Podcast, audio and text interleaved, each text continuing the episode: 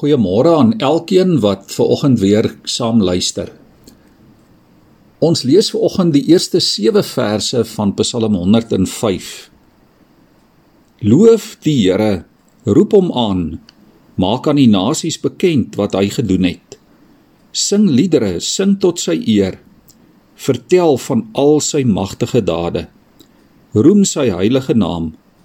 Laat die wat die teenwoordigheid van die Here soek, bly wees Soek hulp en beskerming by die Here. Soek gedurig sy teenwoordigheid.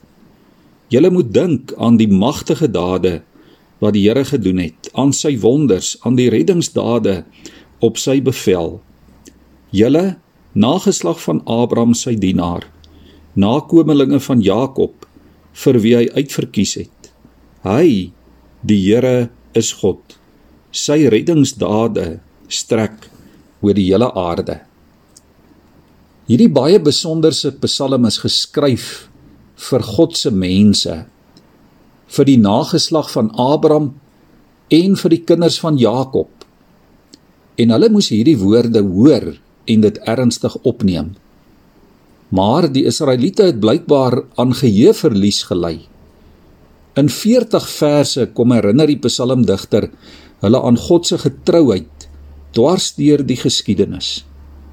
Ja, hy begin by Abraham. Hy vertel hoe die Here hulle bewaar het teen onderdrukking.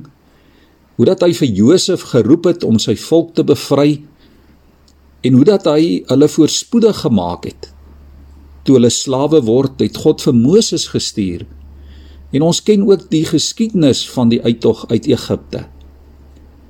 Regdeur Israel se geskiedenis kry ons hierdie groot name. Die name van Abraham, van Josef, van Moses en ook ander.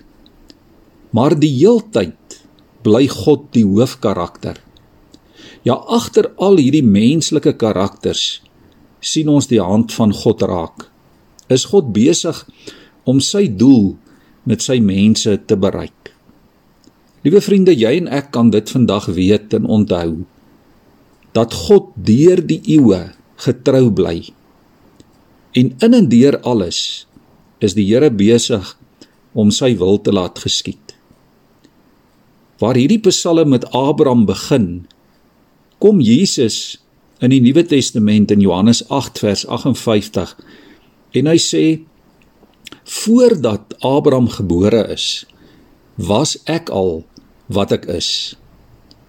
Wat beteken hierdie woorde vir ons as gelowiges hier in die jaar 2022? Dit beteken dat al God se beloftes ook vir ons in Jesus bevestig word. Ons is dalk nie direkte afstammelinge van Abraham nie. Maar in Christus kom God en hy kom bevestig dat hy ook sy wil in ons lewens laat geskied. Ons wat in Christus glo, is deur hom verbind aan die getroue en betroubare God wat nooit ooit die werk van sy hande in die steek laat nie. En dit moedig ons vandag aan as ons God se hand so in ons lewens kan raak sien. En dit help ons om sy wil te doen en aan hom getrou te bly. Kom ons buig ons hoofde saam in gebed voor die Here. Here, ons gebed vir môre is dat U ons deur U lewende Gees kom help Here om elke dag te onthou dat U getrou en betroubaar is. Dat U nooit U kinders in die steek laat nie. Ja Here, help ons om nie aan geestelike geheueverlies te ly nie. Bewaar ons daarvan.